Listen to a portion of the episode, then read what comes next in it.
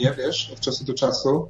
Jedno takie 5-10 sekundowe borowanie i przystaje na kolejne 20-30 minut. O! Jedzie. Słychać mocno? No nie wiem, mam nadzieję, że słuchacze też mi się powinni słyszeć. Dobrze. Borują, borują w poszukiwaniu dobrych okazji inwestycyjnych.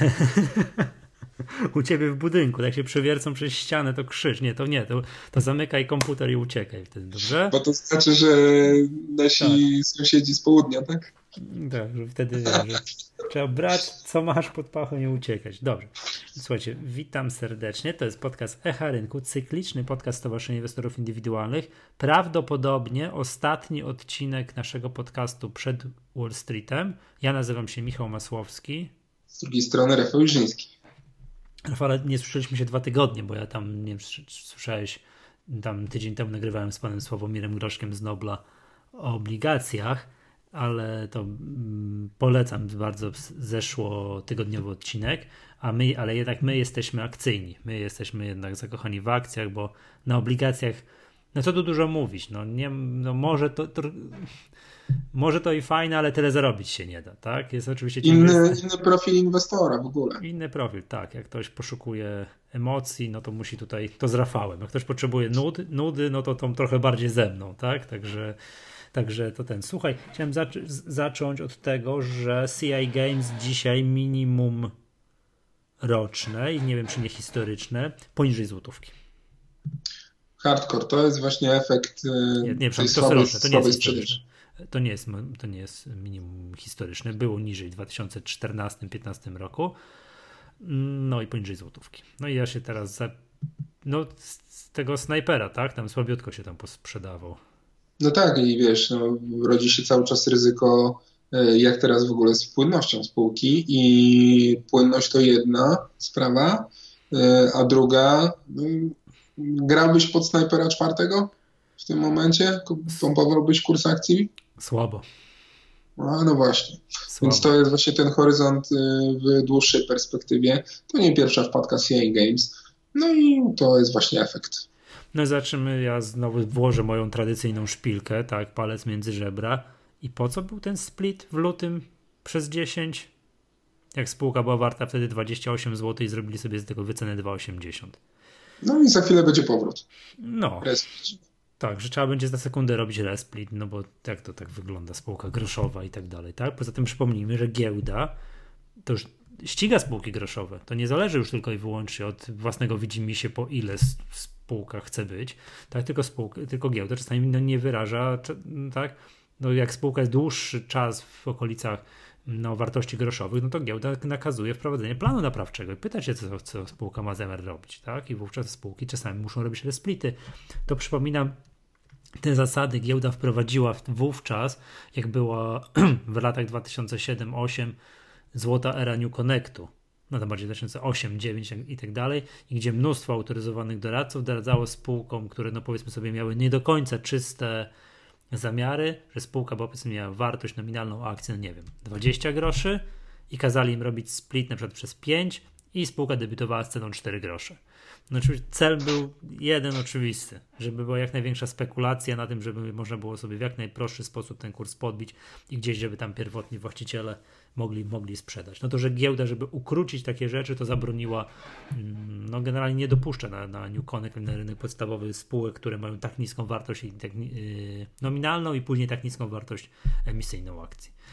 No i proszę, to, to jest ten cały program naprawczy dla tych spółek o niskiej wartości. No i teraz ja zadaję pytanie jeszcze raz o sens tego splitu. No po prostu do, do dzisiaj patrzę, otwieram oczy i przecieram ze zdumienia, jak można było zrobić sobie split z 20, 28 zł podzielić przez 10 na 2,80 i argumentować to, że to, że to wzrośnie płynność akcji. No wzrosła, widzę, po wolumenie jest większym, tak, no bo jest przez 10, tak, plus, plus bomba w dół w połowie kwietnia.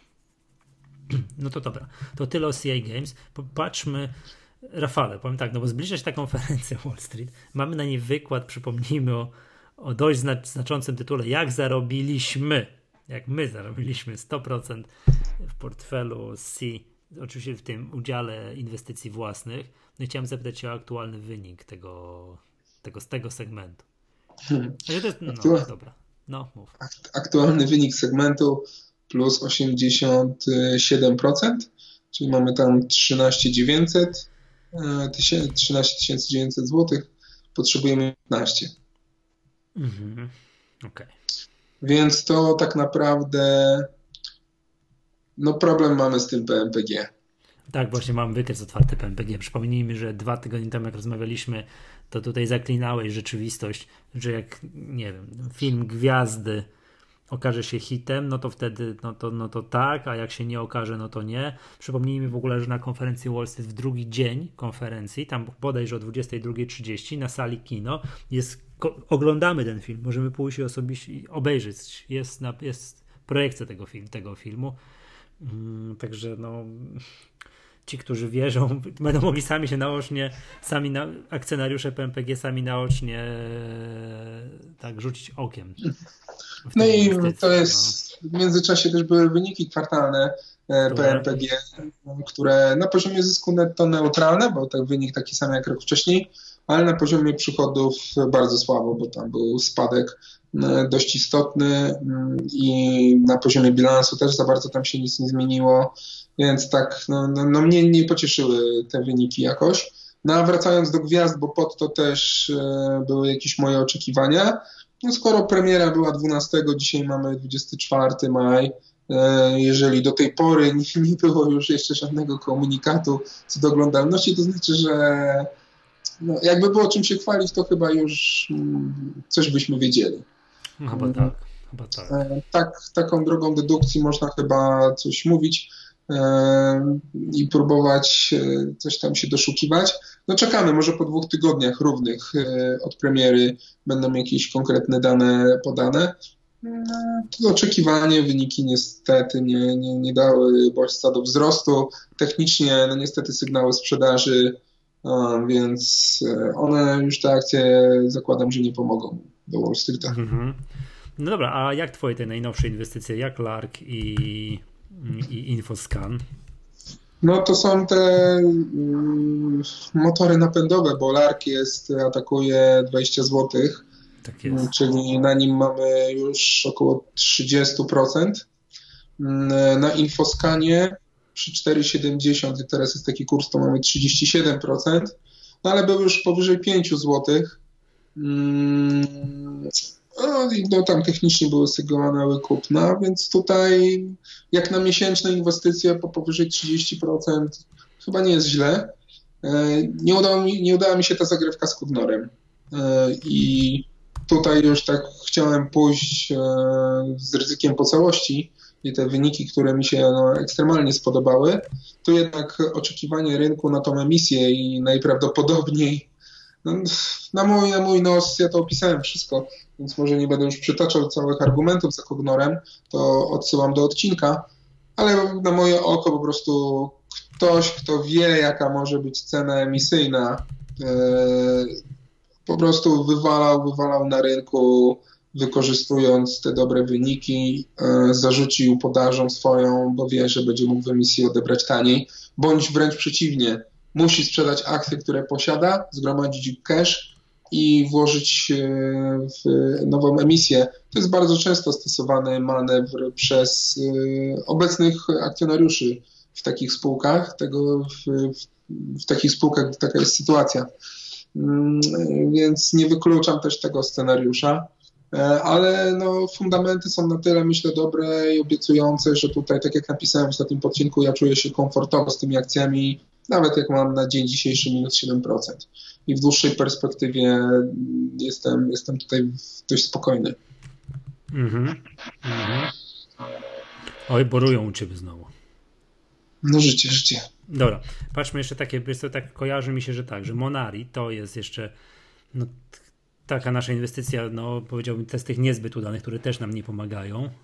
Tak, i tutaj, tutaj grałem ewidentnie pod. No, ja to kupiłem pod e, wybicie takie techniczne do góry. Mm, tam impuls był wzrostowy, nawet 5-6% momentami na tym mieliśmy, ale później wyskoczyły wyniki sprzedażowe miesięczne bardzo słabe, kurs tąpnął. No i te wyniki za pierwszy kwartał są, no według dla mnie troszeczkę jednak rozczarowały. Mm, więc tutaj bodźców e, na razie do wzrostów, no nie widzę, no trzeba czekać dalej do sierpnia na wyniki za drugi kwartał. No chyba, że gdzieś tam jakieś dane sprzedażowe miesięczne będą ekstremalnie dobre, mm, no ale to już jest zbyt duża ruletka i w tym momencie akcje Monari są dla mnie pierwszą spółką, którą bym skrócił po prostu w tym moim segmencie, więc jeśli e, znajdę jakąś fajną inwestycję, to nie zawaham się sprzedać tych akcji, nawet ze stratą którą teraz mamy 5, 6, 7 No właśnie, bo chciałem powiedzieć, że ta strata na Monari jest taka no, póki co jeszcze symboliczna, prawda? Tak, no w długim terminie ja dalej uważam, że y, tam jest jakiś potencjał, y, ale no, nie chcę tak długo czekać, jak znajdę drugiego Larka, drugiego Infoskana, no to się nie zawaham ich użyć. Mhm. A nie chciałeś uśrednić Briu? Chciałem.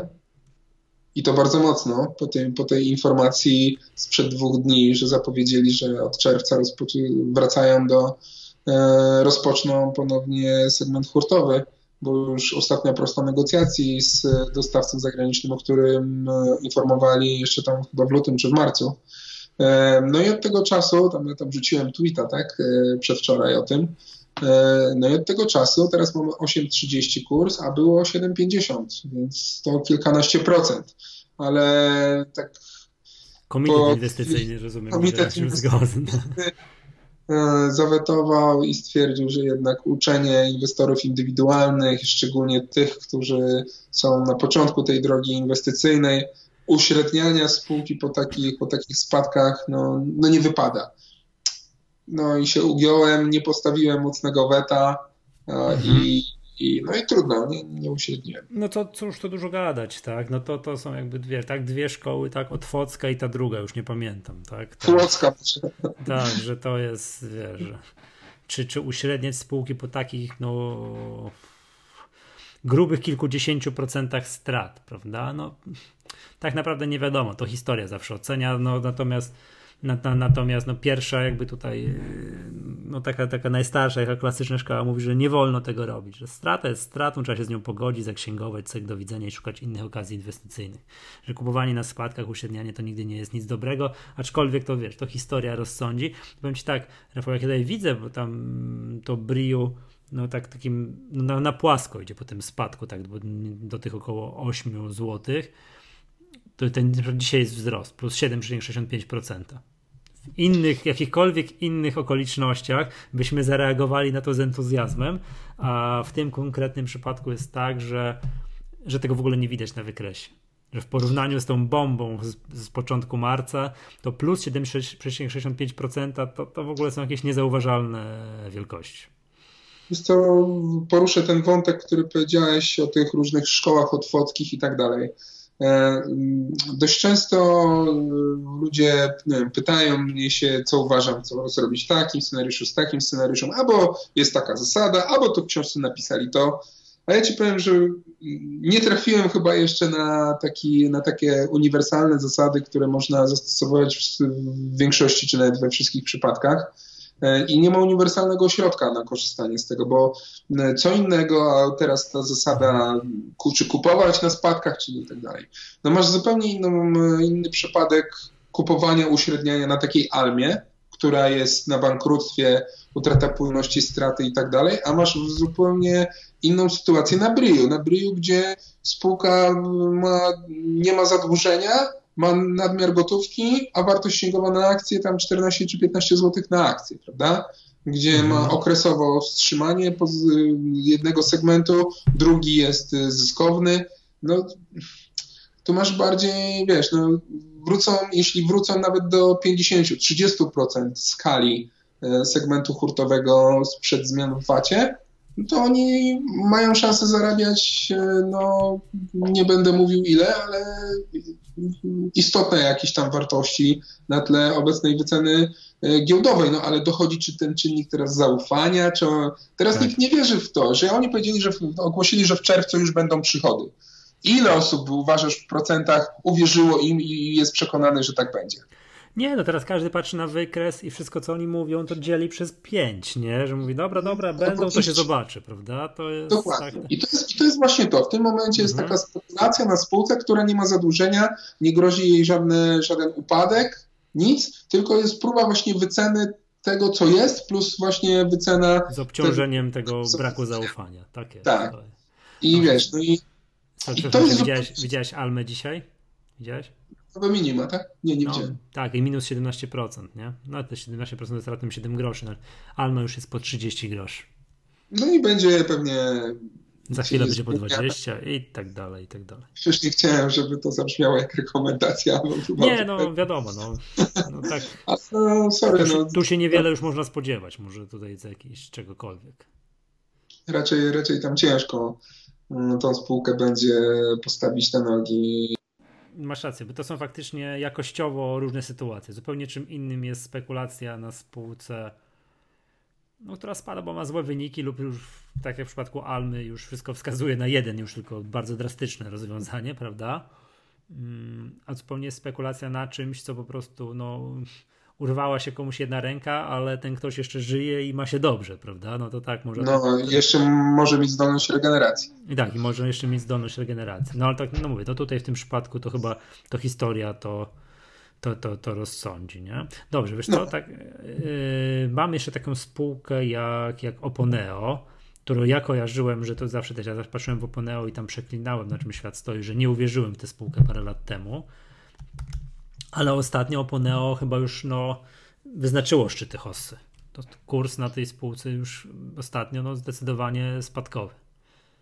Z max tak, na poziomie no. 54, 55, to już jest widzę 45. No to to już jest znacząca różnica.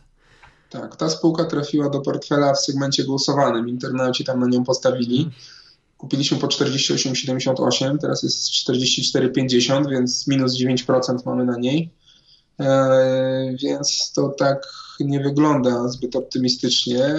E, wcześniejszą spółką, którą też akcjonariusze wybrali, był e, Quercus. E, to jesteśmy na nim minus 6%. No i ta ostatnia inwestycja w energię, no akurat w przypadku energii jesteśmy na zero. Same udane inwestycje. Mm, no ten głosowany ostatnio faktycznie się nie popisał. E, ten segment y, i tutaj głosujący nie głosowali na te spółki co ja, mimo tego, że to ogłaszałem. A to jest niezły, Rafał, bo to ty typujesz spółki do, do segmentu głosowanego, a później zawsze... Jak... Ale to już typu, znaczy wybieram te pięć, tak? No. A później no, kupujemy tylko, to, co wyjdzie. Tylko te pięć to wybieram w taki sposób, już kiedyś to tam niejednokrotnie opowiadałem, że szukam, żeby każda spółka była troszeczkę z innego segmentu i też daję takie spółki, które gdzieś tam są takie, wiesz, szkodliwe, są bardzo czytelne. E, mm-hmm. I no na przykład w Energię, Energię dałem dlatego, że ona była tam kiedyś trzy tygodnie temu przy jakiejś sytuacji, zwyciężyła, ale nie mogliśmy jej kupić, więc ponowiłem, mimo tego, że tam no, jakoś tak nie mam chemii do, do, do tej spółki obecnie. E, I tak, no faktycznie, jak później wrzucę jakąś spółkę, na którą głosuję, to tak to jest właśnie bardziej ten mój typ. No rozumiem. Okej, okay, no dobra, to co by nie było, no tutaj to, to, tak, ta sytuacja w tym segmencie głosowanym wygląda no tak sobie. A jaka jest wycena całego portfela? Wiesz co, dalej stoimy cały czas w miejscu.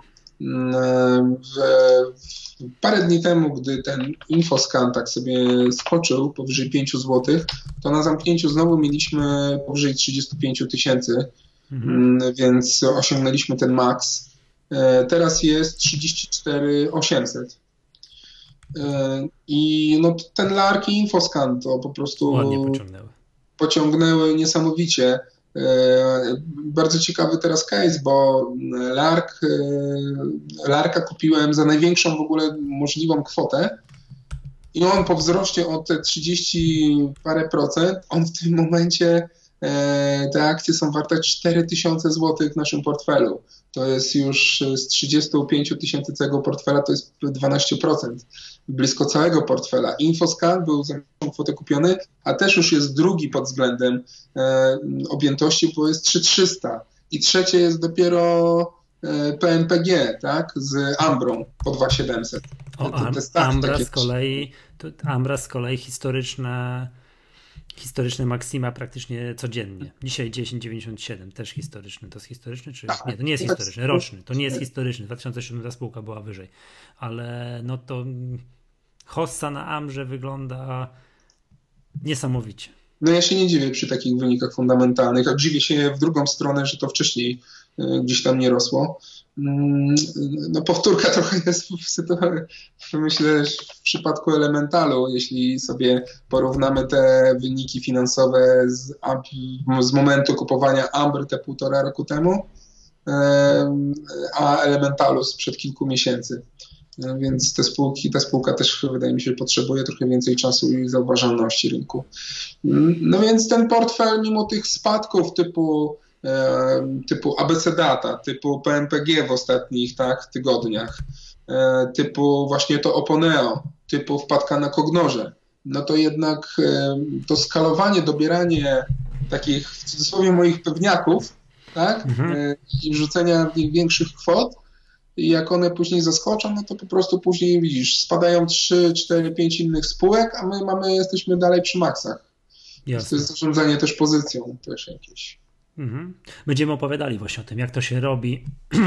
Ta potęga dywersyfikacji to pięknie się właśnie tutaj, wiesz, pokazuje na konferencji Wall Street w naszym wykładzie. I dobra, chciałem dwa takie tematy jeszcze na koniec. Pierwszy to Ursus i drugi to PGE. Co tam się stało na tym Ursusie?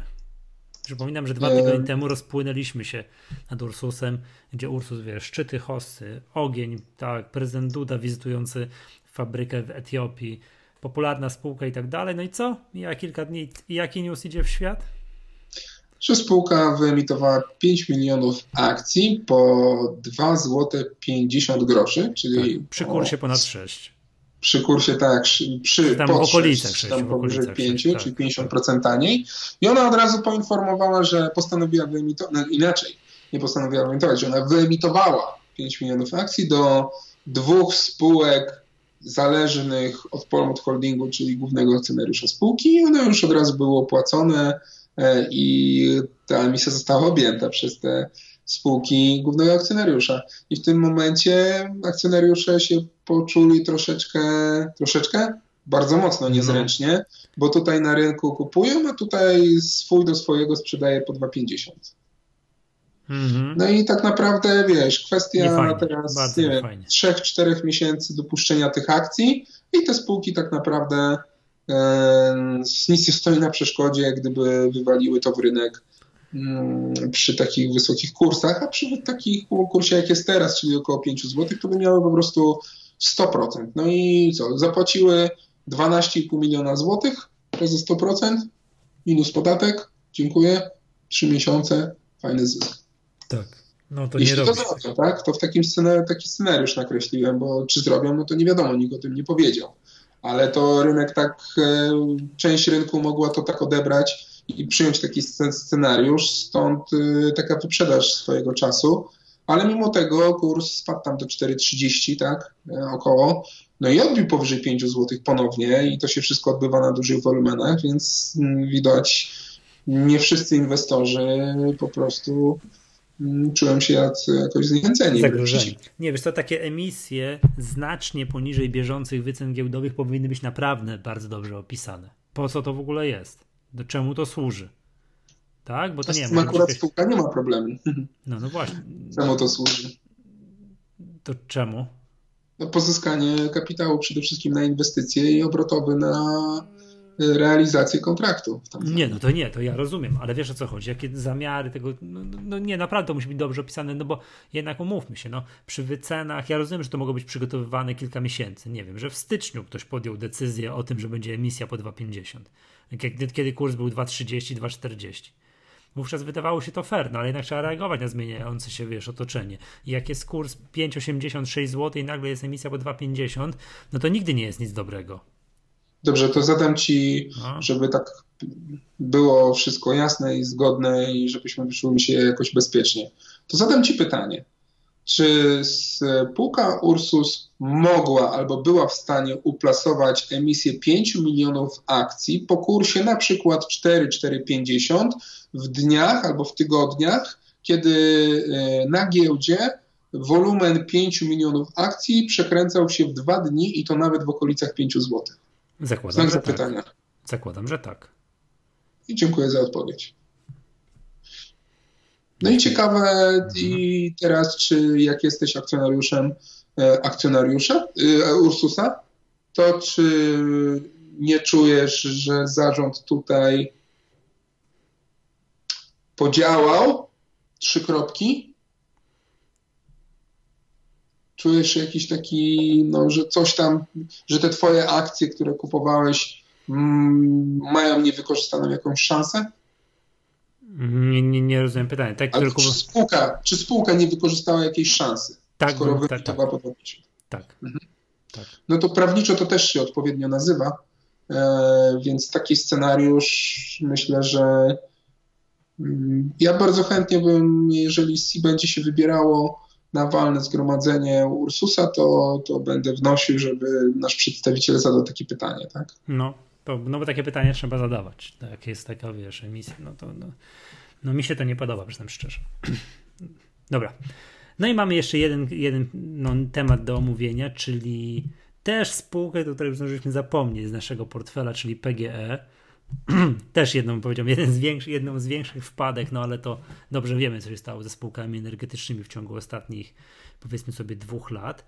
Tak? Czy co z tym PGE tam się dzieje? Bo po pierwsze spółka, to już mówiliśmy, zapowiedziała wstrzymanie dywidendy tak, PGE nie wypłaci dywidendy, ale za to stało się co innego. Okazuje się, że te pieniądze są potrzebne na co innego. Tak, no, to jest moim zdaniem petarda, ponieważ e, PGE jako jedna spółka po prostu kupi e, aktywa od EDF-u, mm. od tego francuskiego giganta, który no, trochę, troszeczkę tych aktywów wytwórczych i ciepłowniczych nazbierał swojego czasu w Polsce Mm, e, podoba mi się ta transakcja. Dlaczego? Dlatego, że PGE za 4,5 miliarda złotych, taką kwotę mniej więcej e, zapłaci, to jest wartość transakcji zakupu, tak? Mm, e, a te aktywa generują 1 miliard, czy 1,1 miliarda złotych rocznie, czyli kupują po prostu EBITDA razy 4. Mhm. Mm, dla mnie jest to no, bardzo dobra, wydaje mi się, transakcja i parametry. Oczywiście trzeba założyć tam jeszcze jakieś nakłady inwestycyjne, są na przystosowanie tych aktywów i tak dalej, e, ale przy tym parametrze, wiesz, przy, przy sile finansowej PGE, e, no to dla mnie, ja się w ogóle jestem bardzo zadowolony jako pośredni akcjonariusz. Roczna, roczna EBITDA, tak? PGE przecież to jest 7,4 miliarda złotych za poprzedni rok. E, więc zapłacenie nawet 4,5 miliardów złotych, to oni tyle mają gotówki na koncie. Mm, nie, nie będzie żadnego problemu, a spółka bardzo mocno zwiększa y, y, ilość, swoje moce w ogóle produkcyjne po tej, po tej akwizycji. E, umacnia, podwaja tak swoje moce w, w, produkcji ciepła i dystrybucji. Wchodzi w kogenerację, która jest e, fajna względem rentowności. No to przy, a te główne aktywy. Przepraszam cię, bo fragmentem aktywów tego EDF-u też jest też kogeneracja tu w Polsce. Tak, kogeneracja, tak. Mhm, nasza tu wrocławska. E, no ale tam jest najważniejsza elektrownia Rybnik, prawda? Jedna z większych elektrowni. I w tym momencie PG naprawdę umocni tą swoją pozycję numer jeden pod względem zainstalowanych mocy produkcyjnych, tych konwencjonalnych. No i w perspektywie rynku mocy, yy, no to naprawdę dla mnie jest to super info. Fundamentalne. Wraz z tym z zaprzestaniem wypłacania dywidendy, no to ja wolę, żeby ta, ta kasa, która miała iść na dywidendę śmiesznej wartości, typu 3, 4, 5% na akcję, poszła właśnie na taką transakcję, jeśli ja mam takie parametry tej transakcji. No wiesz, to trzeba byłoby na pewno tam dokładnie zanalizować, bo jak ty przytoczyłeś taką wybraną dane, daną, EBITDA, wycena EBITDA razy 4, to faktycznie wydaje się atrakcyjne. Jak tak wiesz, wyciągnąłeś z kapelusza jedną rzecz. No zakładam, że ci Francuzi, którzy to sprzedają, no to też nie sprzedają tego tanio, tak? Że to jakaś tam jest wycena, no to jedna i druga strona się tutaj targuje. Ja to widzę trochę tak, że wiesz, jest element to jest popularne teraz, renacjonalizacji, tak? powrotu spółek do macierzy. W sektorze bankowym wiemy, co się dzieje. Tak? PKO powróciło z wrogich rąk kapitalistycznych Włochów w nasze dobre polskie ręce. Teraz mm, przyszedł czas na troszeczkę renacjonalizację energetyki. Także no i dzieje się to za pieniądze PGE. Także kwestia wycen, no jeszcze raz powtórzę, jak wyciągnąłeś jedną konkretną Wiesz, wycenę spółki. Bit razy 4. Nie no, bomba. To mi się też podoba, tak? Mówi się, że spółka, tak jak chcesz, nie masz czasu na wyceny, nie masz czasu się bawić w różnego rodzaju tam, wiesz, no, poważniejsze wyceny, tak jak zamkniesz jedno oko i zrobisz bit razy 6, to mniej więcej tyle spółka powinna być warta. Więc wszystko, co jest poniżej EBITDA razy 6 wydaje się atrakcyjne, aczkolwiek to zakładam, że trzeba byłoby do tego jakąś jednak analizę przyłożyć, nie? bo to tak może być, że jest niska wycena, ale na przykład potrzeby inwestycyjne bardzo dużo. Nie, tam widziałem te potrzeby inwestycyjne, one nie są jakieś e, gigantyczne, więc e, o to bym się nie obawiał. Czytałem opinie analityków, to oni również no. pozytywnie to oceniają. Okej. Okay. Tacy, takich, którzy już w tej, w tej energetyce siedzą i, i to monitorują.